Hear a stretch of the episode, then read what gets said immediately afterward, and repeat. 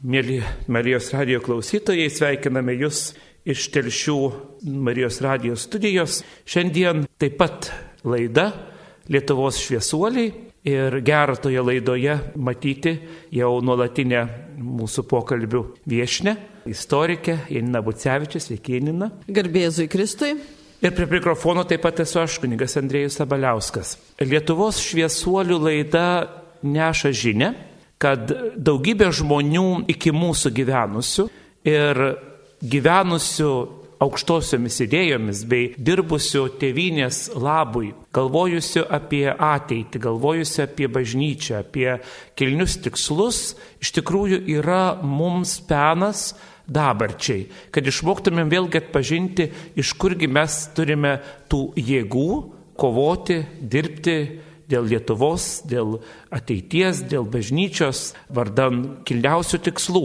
Šiandien norisi kalbėti apie tikrai neįlinius žmonės, neįlinius šviesolius, tai yra visą šeimą arba bent dalį to šeimos, tai Narutavičiai. Kadangi Stanislavas Narutavičius, vienas iš dvidešimties vyrų, 1918 m. vasario 16 d. pasirašęs Lietuvos nepriklausomybės ir valstybingumo atkūrimo aktą, taigi jis žmogus, kuris tikrai suvaidino didelį vaidmenį, kuriant modernėje Lietuvos valstybę. Jo brolis Gabrielius Narutavičius, neįlinė asmenybė, suvaidinęs tikrai ypatingą vaidmenį mūsų kaimininėje šalyje, Lenkijoje, buvęs pirmasis demokratiškai išrinktas to šalies prezidentu. Taigi ypatingi žmonės, Ir tokia įžanga būtų tarytum ant Telšių viskupijos katedros sienos puikuojasi puikiai parengta lenta, ant kurios yra užrašyta, kad du Narutavičiai, Stanislavas ir Gabrielius, yra pakrikštytas tuometinėje Bernardinų jau vėliau tapusioje diecezinėje, šiandien esančioje katedroje. Taigi šitie du žmonės į krikščionišką gyvenimą, į bažnyčios gyvenimą iš tikrųjų įžengė Telšių viskupijos Švento Antano paduviečio katedroje, o gimė jie abu Telšiuose. Todėl taip simboliška, kad šiandien ši laida Lietuvo šviesuoliai transliuojama iš Telšių prie katedros esančioje studijoje. Na, o kad mes galėtumėm įžengti į tą susipažinimą, kokios tai asmenybės, kodėl viena iš gatvių telšiuose pavadinta Narutavičių vardu, prašysime gerbiamos istorikės Janinos Bucevičius atvykusios pas mus iš telšiuose esančio muziejaus Alka įžangą įnešti tą žinę, kas tai žmonės ir žinoma pradedame pirmiausia nuo biografijos. Narutavičiai tai tikrai labai sena žemaičių bajorų giminė, dar savo šaknis kildinanti iš 1413 metų Horodlės unijos, kurios metu, kaip manoma, naručiai ir gavo herbą ir pradėjo save tituluoti Narutovičiais. Dvarelis prie telšių Brevikiuose, netoli Elsėdžių, Ir kaip ir daugelis to meto dvarininkų, apskrities centre, telšiuose, turėjo ir savo namus. Gabrieliaus ir Stanislovo Narutavičiaus tėvas Jonas Narutavičius buvo telšiuose teisėjų, todėl natūralu, kad ir abu sūnus gimė būtent čia telšiuose. Tai iš tikrųjų irgi giminė, kuri garsėjo savo patriotiškumu ir Stanislovas Narutavičius yra neatsitiktinai vasario 16 akto signataras. Dar jo tėvas Jonas Narutavičius, nepaisant savo užimamų pareigų, dalyvavo 1863 m.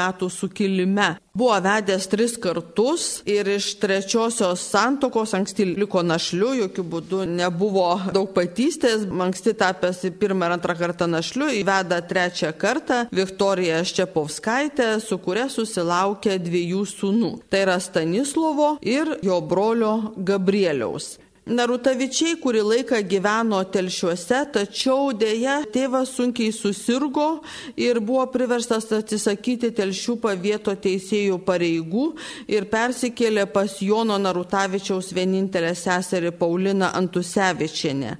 O 1866 metais, kai Stanislavui buvo vos ketveri, o Gabrieliui vieneri metai, jų tėvas mirė. Gyvenimas nelepino, todėl kad Brevikių dvarelis buvo išnuomotas, giminė prasiskolinusi, bet čia į pagalbą ateina Viktorijos Narutavičianės draugės tėvas Renavo grafas Antanas Rionė. Jis pasikviečia juos į Renavą ir čia jie gyvena. Rionė kviečia mokytoją ir ne bet ką, o garsųjį Lauriną Ivinskį, apie kurį galėtų irgi būti laida. Tai tikrai yra nuostabus XIX amžiaus Lietuvos ir žemaičių šviesuolis, žemaičių tautinio sąjūdžio aktyvus dalyvis ir taip pat, kaip žinot, pirmojo periodinio leidinio, tai yra kalendoriaus, na, jis vadinosi tuo metu žemaitiškai Metskaitlius, Metskaitliaus autorius. Būtent Ivinskis ir moko jaunuosius Narutavičius ir moko pagarbos lietuvių kalbai, skatina domėti žemaičių tautosaką. Aišku, be abejo, juos moko ir užsienio kalbų, supažindina su švietimo epochos filosofais. Taip pat vaikai gerai mokėjo kalbėti prancūziškai, o vokietė auklė išmokė puikiai juos kalbėti vokiečių kalba. Na ir reikia pasakyti, kad Rionė rėmė juos ir vėliau buvo nupirkti namai Liepojui ir kada vaikai jau buvo tokio amžiaus, kai galėjo ir turėjo mokytis gimnazijoje, jie išvyksta studijuoti į Liepoją, Latvijos teritoriją. Na kodėl į Liepoją? Todėl, kad reikia pasakyti, ten buvo vokiečių gimnazija. Ir toj gimnazijoje buvo žymiai geresnės sąlygos. Nebuvo tokios tos rusifikacijos, aišku, mokslas visas buvo vokiečių kalba, bet Narutavičiam tai nebuvo jokia problema. Taip pat e, ten nereikėjo tiek šlovinti caro, nereikėjo tų atlikti pravoslaviškų apieigų, nevertė šitos gimnazijos narius ir neveltui ten mokėsi ne tik tai Narutavičiai, bet ir daugelis Lietuvo šviesuolių, tame tarpe ir būsimasis prezidentas Aleksandras Tulginskis ir kiti. Reikia pasakyti, kad studijuodami gimnazijoje Narutavičiai pamokyti Laurino Ivinskio, toliau per atostogas domisi lietuvių tautosaka, grįžta vasarom į Brevikių dvarą, aktyviai dalyvauja be abejo to meto politinėme gyvenime. Na, baigę gimnaziją, abu Narutavičiai įstoja į Peterburgo universitetą. Stanislavas Narutavičius studijuoja Teisės fakultete, kur artimai susipažįsta su grafu Vladimiru Zubovu, kurio vienas iš pagrindinių dvarų buvo būtent Šiauliuose.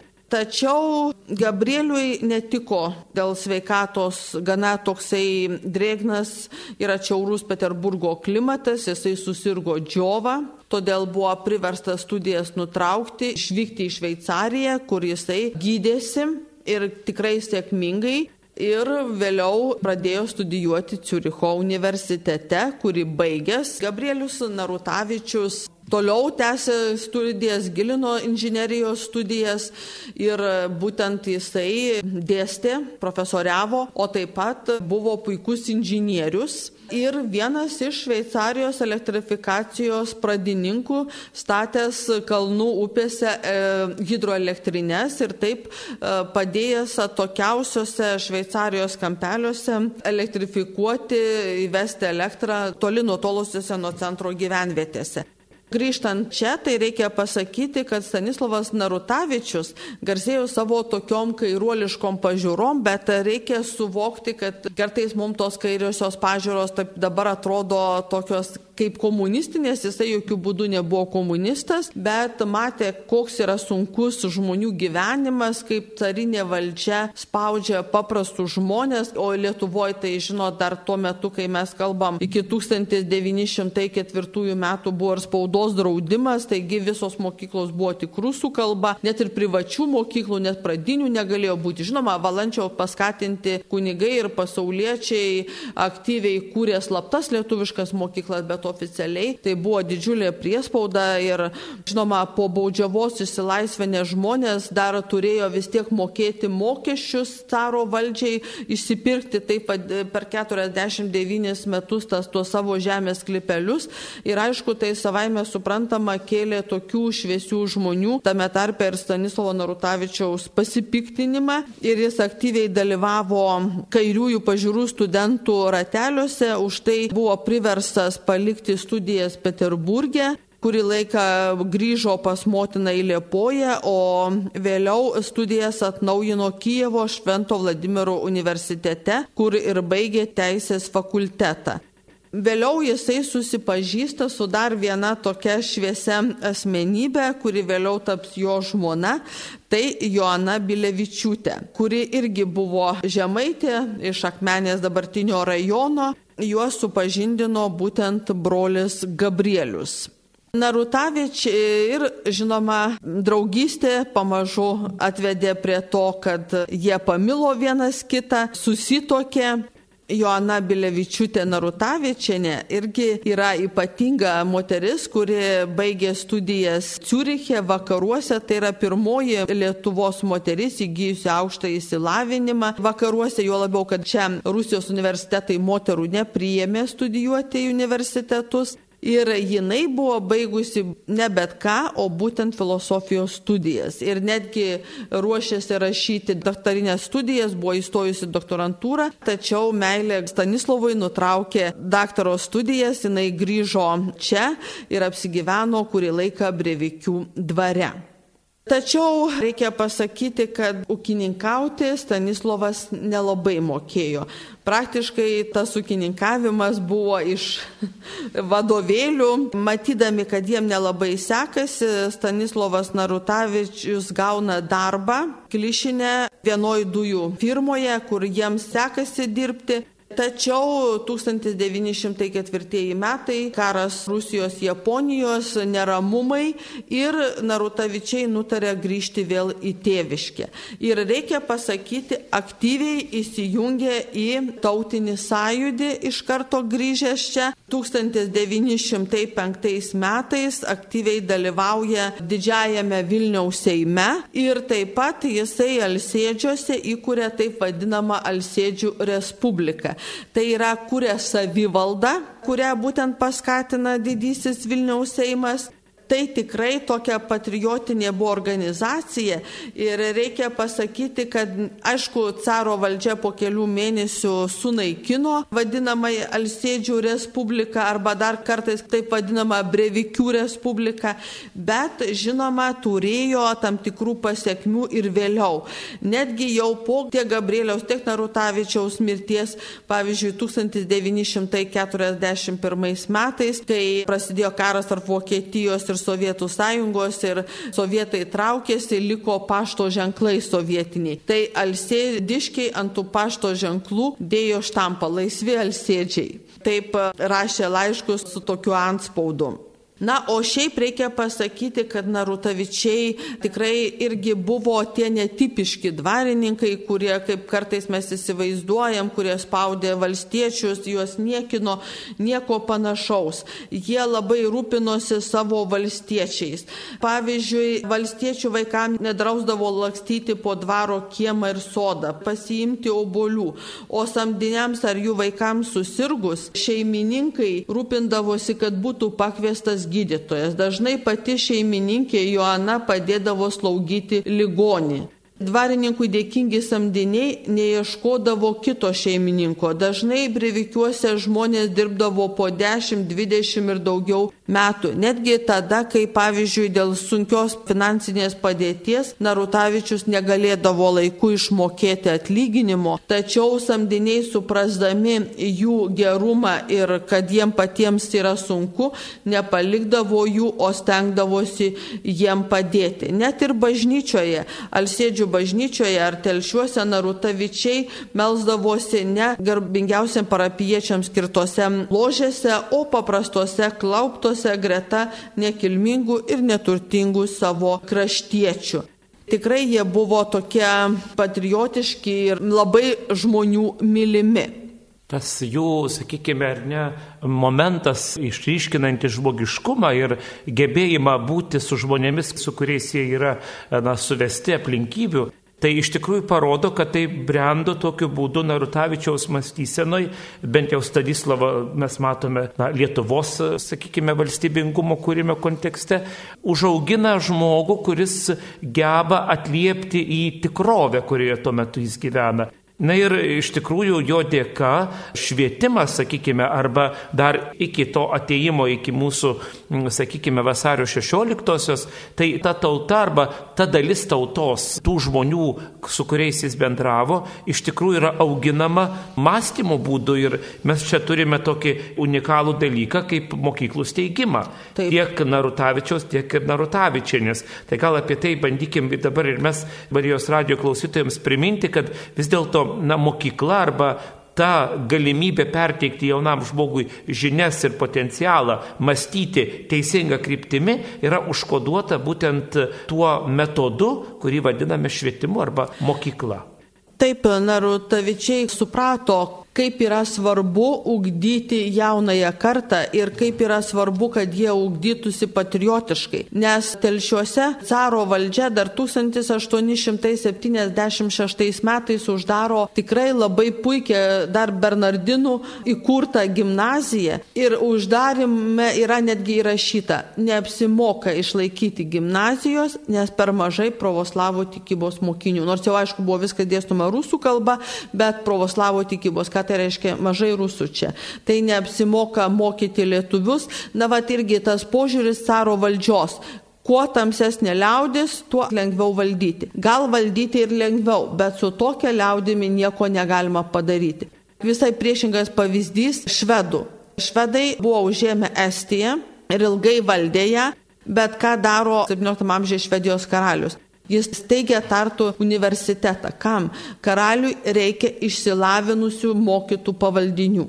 Tai va caro valdžia darė atvirkščiai. Bet Narutavičiai suvokė, kad jeigu mes norime turėti Lietuvą laisvą, demokratišką, tai ta Lietuva turi būti išsilavinusi, kad žmonės galėtų būti aktyvūs tiek politiškai, tiek kultūriškai, bet tam reikalinga, kad jie mokėtų ne tik skaityti, rašyti, bet jie būtų įsilavinę ir dėl to Narutavičiai steigia mokyklas. Ir pirmoji būtent steigia Joana Narutavičianė, steigia privačią, nes kitaip negalėjo, caro valdžia išlaikė tik tai rusiškas mokyklas ir čia pradinė mokykla buvo, bet štai steigia progymnaziją ir steigia ne bet kam, o mergaitėm. Tai būtent telšiuose. Tai būtent telšiuose ir čia jie va taip labai gražiai susišaukė su Staugaičiu, nes Staugaitis tais pačiais 1907, kaip susitarė, nors aišku, jie vienas kito nepažino ir nesitarė, bet jis teigia Marijampoliai, o Narutavičianės teigia mergaičių progymnaziją telšiuose. Na, tikrai dabar gal kai kas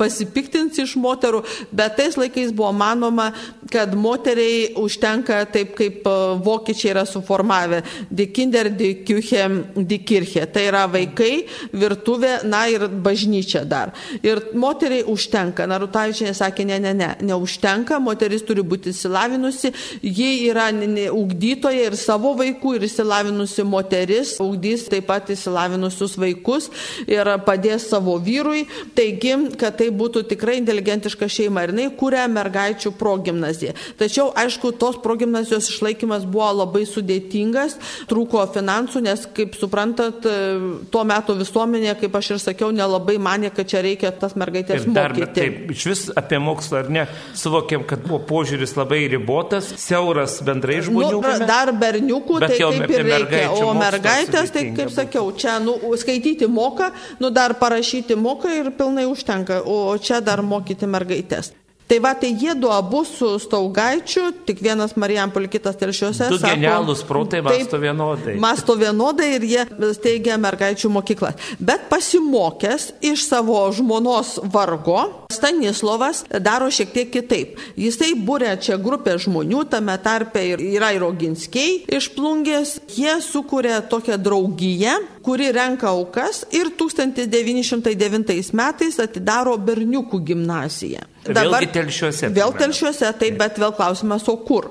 Ir įsivaizduokit, vaistininkas Oskaras Giolneris atiduoda ką tik pastatytus savo naujus namus. Nu jūs pasakykite dabar, kuris iš mūsų, sakykime, tokių, kad ir pasiturinčių žmonių atiduotų savo ką tik pastatytus namus gimnazijai. Ir priminkim, kad Giolneris ne lietuvis, ne lietuvių e, kilmės. Taip, tai vokiečių bet, kilmės. Taip, bet patriotas, suvokdamas tuo metu irgi, sakykime, ar ne tą lietuviškumo svarbą, nes jau mokoma lietuvių kalba mokyklose. Tai taip, taip. Proveržys ypatingų būdų pasireiškia. Taip, jisai va tiesiog užleidžia. Na, žinoma, reikia pasakyti, jo žmona nebuvo labai patenkinta tokiu vyro sprendimu, bet buvo priversta susitaikyti ir štai, va telšiuose atsiranda dvi, sakytume, jau aukštesnės pakopos. Nepra... Tai progymnazijos. Progymnazija ir gimnazija. Vėliau, aišku, prasidėjęs pirmasis pasaulinis karas nutraukė veiklą.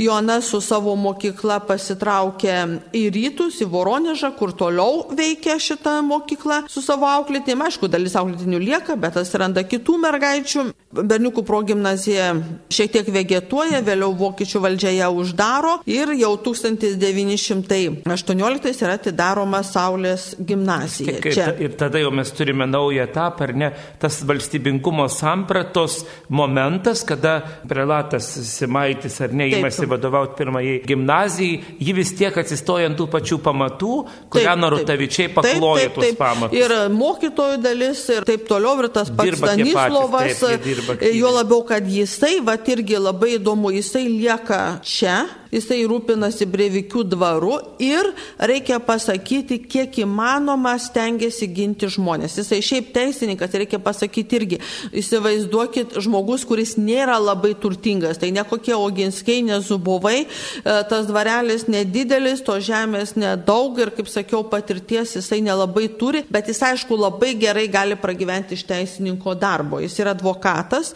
bet ką jisai daro? Jisai paprastus neturtingus žmonės gina veltui.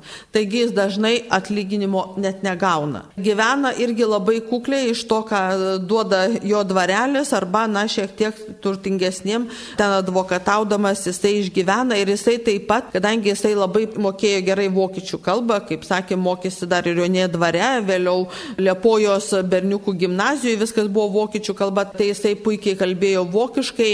Jisai irgi tarpininkavo tarp lietuvių ir vokiečių, tiek kuriant gimnaziją, nes atminkime, kad gimnazija telšiuose atsiranda dar netgi anksčiau negu vasario 16, nors ta vasario 16 irgi buvo tokia dar tuo metu paslaptis, kaip sakant, Lietuva netapo laisva, bet tai buvo geras žingsnis į priekį ir Narutavičius labai daug padėjo, kad atsirastų ir šita gimnazija. Jisai taip pat, reikia pasakyti, aktyviai įsijungia į tą visuomeninę veiklą Jo rūpeščių netgi 1915 Kaune buvo įsteigtas teismas, nepaisant to, kad čia vokiečių valdžia, kuriame buvo vartojama tik lietuvių kalba. Taigi paprasti žmonės, kurie aišku vokiečių kalbos nemokėjo, galėjo ten gauti pagalbą, nes būtent viskas vyko lietuvių kalba. Jis sugebėjo iš vokiečių valdžios tai išrūpinti. Na ir žinoma, kada jisai stengiasi burti, jis aktyviai dalyvavo nukentėjusiam nuo karo šelbti komiteto veikloje veikloje čia telšiuose ir jisai irgi buvo tas, kad reikia burti, matė, kad jo vokiečių valdžia, na, vis tai silpsta, kariuomenė vis labiau pralaimi frontuose tiek rytų, tiek vakarų, ypatingai vakarų. Taigi jis aktyviai dalyvauja 1917 m. rugsėjo 18-22 d. vykusioje lietuvių konferencijoje. Jis buvo rengėjas ir dalyvis ir aišku, natūralu, kad jisai buvo išrinktas į Lietuvos tarybą. Ir jisai buvo vienas iš tų, kurie būtent pasiūlė rezoliuciją, kurioje būtų skelbiama, kad svarbiausias tikslas - nepriklausoma Lietuvos valstybė etnografinėse ribose. Tai buvo būtent jo kaip teisininko labai graži formuluotė, kuri, kaip sakant, įguls bus kaip pagrindas jau vasario 16 akte. Tiek vasario 16, tiek kovo 11 mes e, Taip. jaučiam tą koncepciją, kuri turi testinumą. Be abejo. Šviesa turi savybės klisti, ar ne? Ir, Taip. Na ir, ir kadangi, aišku, laikas buvo labai sudėtingas, vokiečių valdžia spaudė Lietuvos tarybą pasirašyti 1917 m. gruodžio 11 aktą, kuris susijėjo Lietuvą su Vokietija keturiom konvencijom, tai ką daro Narutavičius? Narutavičius ir dar trys tarybos nariai pasitraukė iš tarybos Na ir čia vėl reikia pasakyti, atsiranda Staugaitis, kuris bando vėl suvienyti tarybą, prišnekinti atskilusius narius, kartu rengia naują rezoliuciją, būtent vasario 16-osios aktą mums žinoma, na ir vėl sujungia visą tarybą ir pagaliau, žinoma, 1918 m. vasario 16 d. visa taryba, visi 20 narių pasirašo rašo vasario 16 aktą. Na ir reikia pasakyti, kad toj taryboje Narutavičius dirbo nelabai ilgai. Kodėl? Na, todėl, kad žinote, kad 1918 m. Liepos 14 d. buvo priimta nuostata paskelbti Lietuvą konstitucinę monarchiją. Na ir pakviesti vieną iš Baden-Württembergo žemės princų Vilhelmą čia ir paskelbti jį Mindaugu antruoju. Na, Narutavičius griežtai pasipriešino tam ir pasitraukė iš tarybos. Žinoma, negalime smerkti tarybos, nes tai buvo laikinas toksai sprendimas, nes reikėjo kažkaip tai pasipriešinti vokiečių valdžiai, nes vokiečių valdžia siekia Lietuvą įjungti į Prūsijos. Tai reikėjo ieškoti būdų, Taip, kaip Prūsiją. išlikti savarankiškiem ir, ir neįjungtiem į tą. Taip, kad va, ne, neįjungtų į Prūsiją ir kad, na, neištiktų, kaip sakoma, ateiti prūsų likimas. Vis tik jeigu bus vokietis vadovas ir jo buvo katalikas, nes Prūsija, prisiminkim, yra protestantiška šalis, liuteroniška, o Baden-Württembergo žemė buvo tokia katalikiška ir ta valdanti dinastija buvo katalikiška, tai va, kad pasikviesti jį irgi negalim smerkti, buvo neblogas žingsnis, bet žinoma, Norutavičius griežtai pasipriešino ir grįžo čia į telšius ir būdamas bajoras, aišku, jis puikiai kalbėjo lenkiškai, lenkiškai, bet taip pat mokėjo ir žemaičių kalbą ir kaip vietiniai žmonės prisimena, kad jisai kuo puikiausiai kalbėjo žemaitiškai, taip pat puikiai rašė lietuvių kalbą, na ne veltui Laurinas Sivinskis buvo jo mokytojas ir netgi žmonės mokė lietuviškai, pasistengė, kad Alsėdžiuose atsirastų pradinė mokykla. Na šiandien ne veltui Alsėdžių gimnazija turi Narutavičiaus vardą. Jisai taip pat, reikia pasakyti, rūpinosi ne tik tais savimi ir savo ūkiu, bet ir kitais žmonėm. Jisai sakė valstiečiam, na reikia burtis. Pavieniui mes čia negalėsime nieko padaryti. Ir pavyzdžiui, 1922 metais Alsėdžiuose įsisteigė pieno kooperatyvą, kuris veikė ilgą laiką ir pateisino miestelio gyventojų viltis. Na, taip pat padėdavo, kam reikėjo. Pavyzdžiui, jie globojo ilgai sergantį ir visiškai pajamų neturinti žemaičių poetą Butkų Jūzę. Juzė. Negaila vėliau. Butkų Juzė persima tokiom kraštutiniam kairiom pažiūrom, bet nepaisant viskuo, jie padeda kiekvienam, kam reikia pagalbos. O kilus Lietuvos ir Lenkijos konfliktui pasisakė už šio konflikto taikų sureguliavimą, Lietuvos nepriklausomybės ir identiteto išsaugojimą. Taigi mes turim Stanislovo tokį portretą, šiek tiek jau, mėly Marijos radio klausytojai, kurie mus girdite, primenu laidą Lietuvos šviesuoliai, kalbam apie Narutavičius šeimą iš telšių studijos, bet grįžkim truputėlį dar prie Gabrieliaus Narutavičiaus. Va tas sudėtingas laikotarpis, dvi valstybės kuriasi, dvi labai artimos istoriškai ir kartu kažkaip takoskira atsiranda na, dėl įvairių priežasčių. Gabrielius lieka Lenkijoje, lieka lenkiškoje pusėje. Na, Gabrielius, pirmiausiai, kaip ir sakiau, jis buvo Šveicarijoje. Jisai gyveno Šveicarijoje, tikrai garsėjo kaip e, pirmųjų vandens jėgainių taip e, statytojas ir jo darbai 1896 metais netgi buvo apdovanoti tarptautinėje Paryžiaus parodoje. Taigi Narutavičius, aišku, irgi kaip patriotas jisai negalėjo likti nuo šaly nuo įvykių, o reikia pasakyti vieną svarbų dalyką. Jie buvo bajorai, kurie galvojo vis tik tai dar abiejų tautų respublikos įtakoje ir taip pat siekė Lietuvos ir Lenkijos tokios vienybės. Čia reikia sakyti, kad Gabrielius, aišku, negalėjo likti nuo šaly ir jisai atvyksta į Lenkiją 1919 metais. Čia, aišku, aktyviai yra įtraukiamas į politinę veiklą, vadovavo viešųjų darbų, vėliau užsienio reikalų ministerijom, o 1922 metais gruodžio 9 Seime buvo išrinktas Lenkijos prezidentu. Tačiau tik tai labai gaila, kad labai anksti Jisai miršta, nes po kelių dienų parodoje vienas Lenkų dailininkas jį nušauna. Nušauna bijant, ko gero, kad jisai palaikys Lietuvos nepriklausomybę, sieki tokio atskirai Lietuva kaip demokratinė respublika ir Lenkija. Jisai miršta ir Stanislavas, kuris ruošiasi kaip tik pasveikinti savo brolį, dėja atvyksta į jo laidotuvės.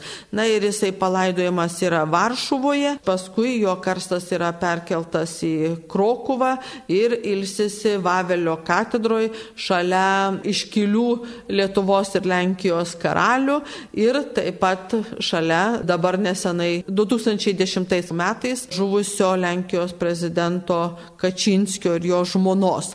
Bet čia mes turime suprasti, kad laikas buvo labai sudėtingas. Tiesą sakant, Narutavičiai buvo artimi ir Pilsudskio giminaičiai. Jusefas Pilsudskis, kaip sakoma, 3 ketvirtadaliai kraujo yra žemaitiško. Tiesa, jis yra gimęs Vilniaus krašte, bet Pilsudskių šaknis yra iš Pilsodo, tai va čia tarp Skaudvilės ir Šilalės. Žemaičių dūnininkų arba pietų Žemaitijoje. Taip, šaknis. čia kanauninkė jūsų Taip. grinai Taip. tausietis ir tvirtas žemaitis, nes dūnininkai tai yra tie tikrieji žemaičiai, o daunininką, kurie dabar yra tvirtesni žemaičiai, bet jie turi nemažai to kuršiško dar kraujo ir tos tarties. Irgi reikia suvokti, kad mąstymas irgi buvo toks irgi protingas. Pilsudskis siekė atkurti abiejų tautų respubliką ir tai nebuvo visiškas blogis. Pavyzdžiui, tai labai aktyviai palaikė ir Anglija ir netgi Lietuva buvo netgi galvojama, kad reikėtų kurti tą bendrą respubliką. Bet kai kas labai išsigando, Bet šiandien mes netekom dalies Baltarusijos, bet tada buvo irgi mąstoma, Rusija pavojinga, Rusijoje jau įvykė spalio ginkluotas perversmas, bolševikai aiškiai deklaravo, kad jie siekia užkariauti visą pasaulį, bet kokiom priemonėm ir ideologiniam, ir politiniam, ir kultūriniam, ir taip toliau. Taigi, pasaulis buvo nu, nuraudintas raudonai jų simbolikoje. Taip, ką reiškia, kad atsilaikyti mes galime tik sujungę Ukrainą, Baltarusiją, Lietuvą ir Lenkiją. Žinoma, niekas nesakė, kad nebus lietuvių kalbos, bet aišku, tokia kaip jungianti kalba, tai aišku, buvo be abejo Lenkų. Tai va tokia kaip atsvara ir jeigu tai būtų įgyvendinta, gal būtų ir istorija 20-ojo amžiaus buvusi kita. Aišku, dabar mes negalim pasakyti, kaip būtų buvę, bet tas tautinis siekis ir dalies Lenkų kurti tik Lenkų Respubliką, lietuvių Lietuvą, ukrainiečių ukrainiečių irgi Ukraina, paskui mes turime tą patį Golodomorą baisų jį, kur žuvo milijonai, dešimt, kai kas sako, net 20 milijonų ukrainiečių, taip pat baltarusių.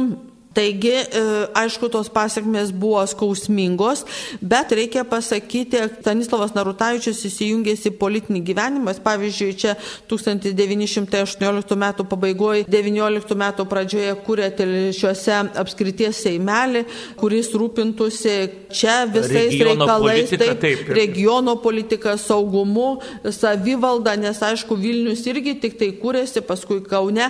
Ir aišku, kilus konfliktui tarp Lietuvos ir ir Lenkijos, jisai važiuoja į Lenkiją, vyksta 19 metais dar, paskui aišku bus tie 22 jau, 19 metais vyksta dėrybos ir jisai pavyzdžiui įsideri paliaubas. Jisai įsideri, kad būtų paleisti belaisviai iš Lenkijos lietuvių ir lietuviai Lenkams atiduotų. Taigi vėl tos dėrybos, kad tos valstybės nekariautų, o susitartų. Na, bet dėja 1922 metai sulaužyta suvalkų sutartis sutartis vėl įžiebė tą konfliktą ir to konflikto pasiekmi, kad Stanislovo Narutavičiaus brolis Gabrielius yra nužudomas, nes e, jis irgi siekia santarvės tarp abiejų valstybių, o ne karo. Pats Gabrielius, tai aišku, be abejo, irgi palaikė savo brolį. Na, o Stanislavas Narutavičius tikrai daug yra padaręs ir čia vietoj, tai jisai būtent tą savivaldą rūpinosi, o taip pat rūpinosi, kad kariuomenės kūrimu rinko aukas, rinko maistą, arklius, supirkinėjo, kad irgi kiek įmanoma padėti besikūrenčiai jaunai Lietuvos Respublikai. Taigi tas konfliktas, galima sakyti, išskyrė brolius. Vienas liko Lenkijoje, kitas Lietuvoje, bet iš kitos pusės ir matome, kokius turėjome žmonės, kurie stovėjo, galima sakyti, pirmose gretose. Demokratijos ištakose. Demokratijos ištakose ir abiejų valstybių kūrime. Modernių valstybių. Modernių valstybių, taip, kūrime. Ir Na, o Lenkijos valstybės, kurime netgi du žemaičiai, tai yra Gabrielius Narutavičius ir Juzefas Pilsudskis, abu jie yra Lenkijos kuriejai. Tai irgi, sakyčiau, labai gražu ir tai yra vėl toks gražus postumis ieškoti ir šiandieną tarp mūsų abiejų valstybių, kas mus jungia. Aišku, buvo laikas, kas mus išskyrė, bet manau, kad šiandieną mes turime ieškoti kas jungia. O jungia būtent broliai Narutavičiai. Ir toks gražus momentas Marijos radio klausytojams priminimas, kad kada jo mano minėta lenta prie Telšių viskupijos katedros sienos skirta abiejų brolių atminimui buvo atidengta ir šventinama prieš porą metų atgal, dalyvavo buvęs prezidentas atvykęs iš Lenkijos Komorovskis, kurio šaknis vėlgi ar negrinai žemaitiškos. Nes Taip, visa moteriška linija yra grinai žemaitiškų šaknų. Taip, tai yra jo senelė buvo Gorskaitė. Ir, ir Gorskiai labai rėmė katedrą mūsų ir paveikslas, kuris šiandien na, puikuojasi ir skaičiuoja Švento šimtmečius Antano. Šventą Antano, yra jų dovana šitai katedrai. Taigi ta šviesa, kada ta laida yra apie šviesuolius, tai visada mes prisimenam, kad šviesa ateina iš žmogaus vidinio aiškumo. Na ir santykis Taip. su Dievu, sakykime, žiūrint į Narutavičių gyvenimą, tikrai buvo atviras. Nežiūrint to, kad truputėlį liktai jaučiam, kad, na, sakom, kairuoliškos pažiūros, bet gal tai yra socialinis daugiau žvilgsnis į gyvenimą, nemoralinio klausimo. Ne, ne, ne, kairuoliškos pažiūros tai reiškia, kad jie rėmė paprastus žmonės, kad jie... Jiems rūpėjo žmonių gerovė. Taip, Tiesiog- padėti taip. teisiškai, kad jie būtų Socialiai, kad apginti jie būtų socialiai toks. paremti, kad va štai būtų tie kooperatyvai, kad jie padėtų, sakykime, parduoti tą patį pieną, ar ne? Tai ką gali vienas ūkininkas su keliais hektarais. Bet jeigu susijungia grupė, jau gali ir parduoti ir kainą paprašyti, ir, ir steigti pieninę, ir perdirbti ten grėtinę, sviestą, sūrius pardavinėti. Tai va, tai vežti į tą patį Kauną. Jie stengiasi burti žmonės. Tai čia ta kairuoliška yra Su ne. gera perspektyva į priekį, Taip, taip, kuriant taip, taip. Ir, materialinį gerbą žmonėms Taip. padedant sukurti. O, o dėl e, tikėjimo, tai, tai buvo tikrai tikinti šeima, kuri save tuo ir pozicionavo, kad jie yra krikščionys. Identifikavo su katalikų bendruomenė. šiaip tai, kai kas ir sako, kanauninkė, kad net Jėzus tai buvo pirmasis, na, ta gerąją prasme komunistas, kuris Taip, siekė jo. padėti žmonėms. Tai, Tai iš tikrųjų prasme, tas žinoma, mokymasis, mokymasis dalintis ir, ir gyventi ne tik savo ir savo geroviai, na, na Narutavičiai yra iš tikrųjų pavyzdys šių dienų, sakykime, na dabarties didikams arba magnatams, arba galėtumėm sakyti e, Verslininkams. verslininkams ar pasiturintiems žmonėms, kurie na, uždirba įvairiais būdais, sakykime, iš, ir kas, kas turi verslą, kas turi įmonės, kas turi pramonės, kažkokią šakoje dalyvavimą. Tas dalyvavimas, noras daryti kilnius darbus, kurie iš tikrųjų neapsimoka, nes e, švietimas, leidyba, prisiminkim, kad... Taip, jisai na- leido Narutavičiai- laikraštį leido, Varšuvoje. taip, leido laikraštį ir, ir, ir užsiimti leidybą, žodžio sklaidą, inteligenciją ir aukštų idėjus norų jas pažindyti kuo daugiau žmonių, kad žmonės perprastų tą tiesą, iš tikrųjų nėra niekada nei verslu, nei naudinga, nei apsimoka. Bet pati tiesa tiesa iš tikrųjų padaro žmogų laisvą tą daryti. Ir tas tikrasis idėjinis žmogus, kuris nuveikia milžiniškus darbus, iš tikrųjų yra pavyzdys. Ir dabartiniai mūsų Lietuvai, na tikrai reikia tokių žmonių arba tokio pavyzdžio iš naujo, kad atrastumėm kiekvienas pagal savo galimybę, kaip tą šviesą skleisti. Tai ir šita laida Marijos radijoje yra būtent skirta tam. Kalbam apie žmonės, kurie gyveno, kad šiandien mes išmoktumėm gyventi na, įvairiomis aplinkybėmis e, pasiaukodami. Nes Narutavičius turėjo galimybę pasitraukti. Jis turėjo visas galimybės palikti sunkumus, kurių jis turėjo. Ir, ir... E, taip, jis galėjo gyventi Lenkijoje, be abejo, jis galėjo pakankamai gerai gyventi ir savo dvare. Taip pat Negalvodamas puikiai, apie kitus. Taip, puikiai uždirbti iš savo taip. kaip advokato, jisai buvo puikus teisininkas ir galėjo kuo puikiausiai gyventi, bet jisai taip nedarė, nes jisai negalėjo gyventi, kai kitiems žmonėms šalia yra sunku. Tai manau, kad tai ir buvo ta tikra krikščioniška pozicija - nepraeiti pro žmogų, kuriam reikia pagalbos. Tai tiek Stanislovui, tiek jo žmonai Joanai tai buvo gyvybiškai svarbu ir tai jie mokė ir savo vaikus, jie turėjo keturis vaikus ir um, jie tikrai stengiasi gyventi galima sakyti taip, kaip Jėzus mokė. Na, mes turim pavyzdį pirmiausia Jėzų, ar ne, turime Mariją ir e, taip pat kitus. Na, o šiandien mes turime pavyzdį, tai tą patį Stanislavą Narutavičių ir manau, tai yra pavyzdys visiems mums, tiek inteligentam, tiek verslininkam, tiek bet kuriam kitam žmogui, kuris gali padėti šalia esančiam. Tai yra tikroji šviesa, tikrosios šviesos e, iš tikrųjų skleidimas. Na ir Narutavičius, priminkime, ilsisi Stanislavas, ilsisi Elsėdžius. Taip, e, jis taip pat e, mirtis buvo tragiška. 1932 m. gruodžio 31 d. Kaune. Na ir jo palaikai buvo parvežti į senuosius šeimos kapus Alsėdžiuose, Plungės rajone, visai netoli Breivikių dvarelio. Ir e, šiandien jisai čia ilsisi. Dabar jo kapas yra gražiai atnaujintas ir yra įrašas advokatas 1918 m.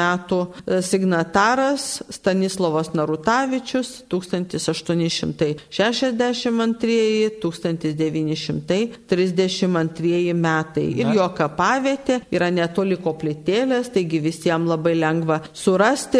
Paženklintas signataro ženklų, juo pažymėtas ir jų šeimai priklausęs Brevikių dvaras Alsėdžių seniūnyje, tai yra jau Telšių rajonas. Na ir tikimės, kad šitas dvaras atgims, dabar jis turi savininką, kuris irgi deda nemažas pastangas, kad šitas dvaras atgimtų, kad čia galėtų rinkti žmonės. Vasario 16 dieną Žemaičių kultūros draugijos Tilšių skyriaus iniciatyva ir kitų skyrių iniciatyva vyksta sueiga Žemaičių, yra išaunamas patrankos, simbolinės patrankos šūvis už Žemaityje, už Lietuvos laisvę, už nepriklausomybę priklausomybę ir taip labai gražiai yra pagerbiama šita šeima. Na, o Žmona po vyro tragiškos mirties dar kurį laiką gyveno e, Brevikiuose, Kaune, jinai buvo mokytoja Lenkų gimnazijos Kaune, o vėliau pasitraukė į Lenkiją ir įsikūrė Varšuvoje pas dukterį Sofiją Krasovską. Sūnus Kazimieras, kuris liko Brevikių dvare, patyrė tremti į Sibirą, na, o kiti vaikai pasitraukė ir gyveno Lenkijoje. Taigi šiandieną šita iškili šeima yra susijusi su Lenkijos valstybe ir gyvena Lenkijoje dar kartą kaip ir patvirtindama, kad tarp lietuvių ir lenkų neturi būti prieš priešos, o turi būti santaika, pagarbi laikysena. Ir tik tai būdami kartu mes galime būti stiprus tiek ES, tiek atsilaikydami prieš kylančią grėsmę iš rytų ir žinoma daryti viską, kad čia Lietuvoje būtų gera gyventi ir tai priklauso nuo kiekvieno, netgi nuo paprasčiausių, net jeigu negali niekuo padėti, tai galbūt žmogus gali nusišypsoti savo kaimynui, gal pakviesti podeliui kavos ar arbatos, tiesiog pasišnekėti, paklausti, gal tiesiog gal kokie pirkinį seneliui nupirkti ar padėti parnešti. Taigi,